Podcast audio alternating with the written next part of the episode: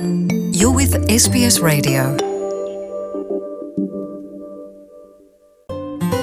SBS မြန်မာပိုင်းကို အင်ကာနဲ့စနေနေ့ည10:00နာရီမှနားဆင်နိုင်တယ်လို့အွန်လိုင်းကနေလည်းအချိန်မီနားဆင်နိုင်ပါပြီ။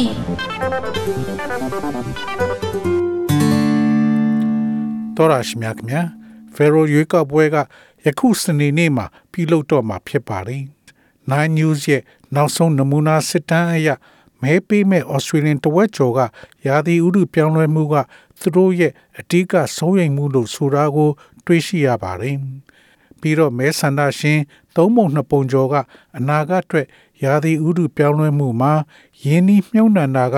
နိုင်ငံစီးပွားရေးကုန်ကျမှုထက်ပိုအရေးကြီးတယ်လို့မြင်နေကြပါတယ်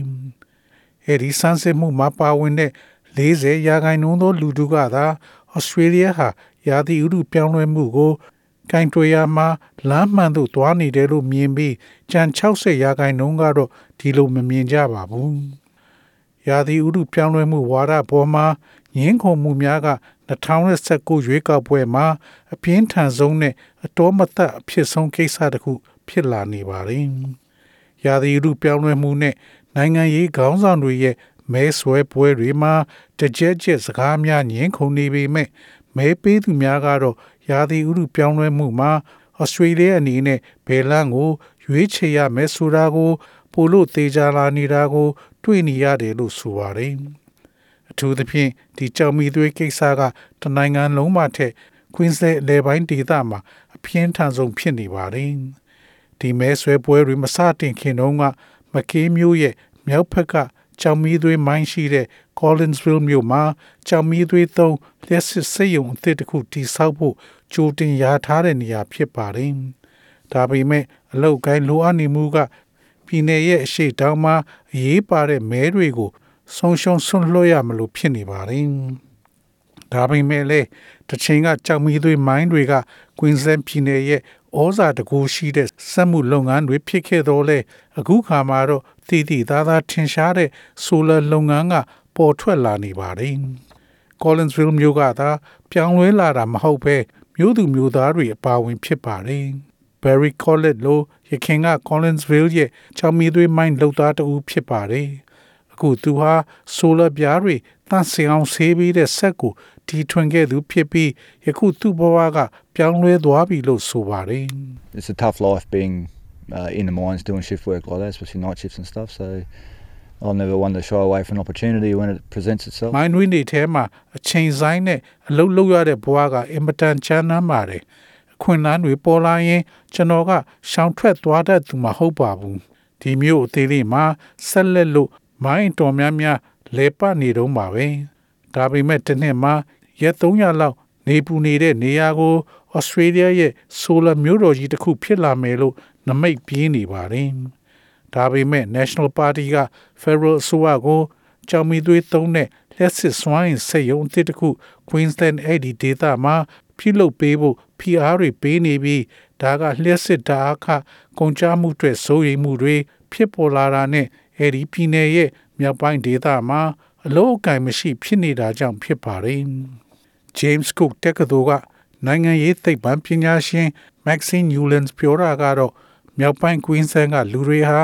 ကြောင်မီးသွေးလုပ်ငန်းနဲ့ရှုပ်ထွေးနေတဲ့ဆက်ဆံရေးရှိတယ်လို့ဆိုပါတယ် It's the psyche of mining. Mining made it very, made North Queensland very rich. Uh, so it's that nostalgia, if you like, for tapping into the mining and what mining can bring,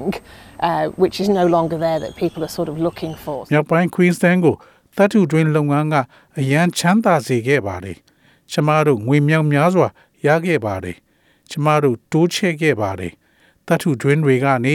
ဘာတွေယူလာနိုင်မလဲဆိုတဲ့အတိတ်ကိုတသားသားလွမ်းဆွနေပေမဲ့ဒါတွေကအခုတော့မရှိတော့ပါဘူး။ဝန်ကြီးချုပ် Scott Morrison ကကြောင်မီးသွေးတွေနဲ့လက်ပတ်တဲ့လက်စစ်တအားပေးစိတ်ယုံအသစ်တစ်ခု တိဆောက်ဖို့ဖြစ်နိုင်ခြေရှိမရှိကိုလေးလာဆန်းစစ်ဖို့ဒေါ်လာ10သန်းပေးမယ်လို့ကြေပေးခဲ့ပြီးဒါကိုဆိုလာစွမ်းနဲ့လဲနောက်ကနေအထောက်အကူပေးမယ်လို့ဆိုပါတယ်။ဒီသတင်းကအဲ့ဒီဒေတာကလူတွေအတွက်သူတို့နားဆင်လို့တဲ့တေးသချင်းလိုဖြစ်နေပါတယ်။အဲ့ဒီထဲမှာတတ်ထူတွင်အလုတ်သမား Jack Spencer ပါဝင်ဖြစ်ပါတယ်။ But it'd be nice to have another power station here. Yeah. Well, it'd help the town. Boost the town along, be great. ဒီနေရာမှာနောက်ထပ်လျှက်စစ်ဓာတ်အားစွမ်းအင်ဆက်ယုံရှိမယ်ဆိုရင်အလွန်ကောင်းမှာပါမျိုးကိုလည်းအကူအညီပေးသလိုဖြစ်နေမှာပါမျိုးကိုလည်းမြင့်တင်ပေးမှာပါဒါကဖြစ်လာမယ်ဆိုရင်အလွန်ကောင်းမှာပါဒါပေမဲ့ဒါကဖြစ်လာမယ်ဆိုတာအာမခံချက်တော့မရှိပါဘူးတကယ်လို့ဖြစ်ခဲ့ရင်တော့နောက်နှစ်တွေအများကြီးစောင့်အောင်မှာဖြစ်ပါလိမ့် with Sandy Data ရဲ့မြို့ကန် counselor Peter Ramage ကတော့သိပ်မျှော်လင့်ချက်မထားပါဘူး where we're getting kicked around like a political football once again. You know, it's up and it's down, and but it'd be fantastic if it does. ဒါကပြန်လာနေပါပြီကျွန်တော်တို့ကိုနိုင်ငံရေးဘလုံးတစ်ခုလိုကန်ခံခဲ့ရပါပြီအခုထပ်မံပြီးတက်လိုက်ကြားလိုက်နေပါဒါပေမဲ့ဖြစ်လာမယ်ဆိုရင်တော့အရန်ကိုကောင်းပါပါဒေါ်လာ2ဘီလီယံအဆိုပြုထားချက်ကဒေတာတွင်းက မဲဆန္ဒရှင်တစ်ဖက်လုံးကိုဆွဲဆောင်စေနိုင်မှာဖြစ်ပြီးအဲ့ဒီအလောက်ရလိုပြီးလျှက်စစ်ခသက်သာလိုသူများနဲ့ရာသီဥတုပြောင်းလဲမှုအတွက်စိုးရိမ်တဲ့မြို့ပေါ်ရှိမဲပေးသူများအပါအဝင်ဖြစ်ပါတယ်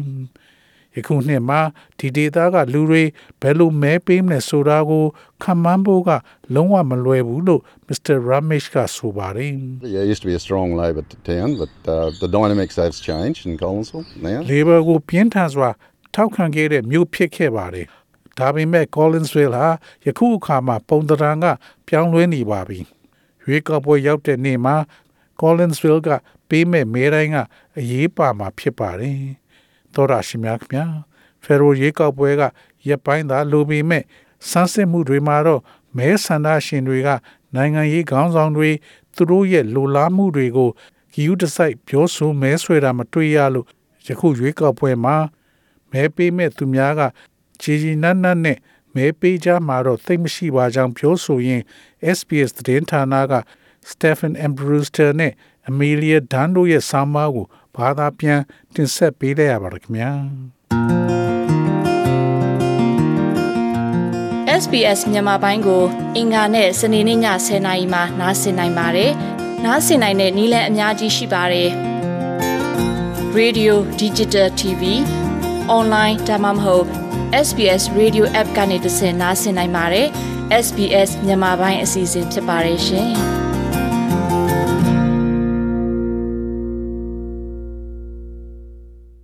Tell us what you think. Rate this podcast on iTunes. It helps other people to find us.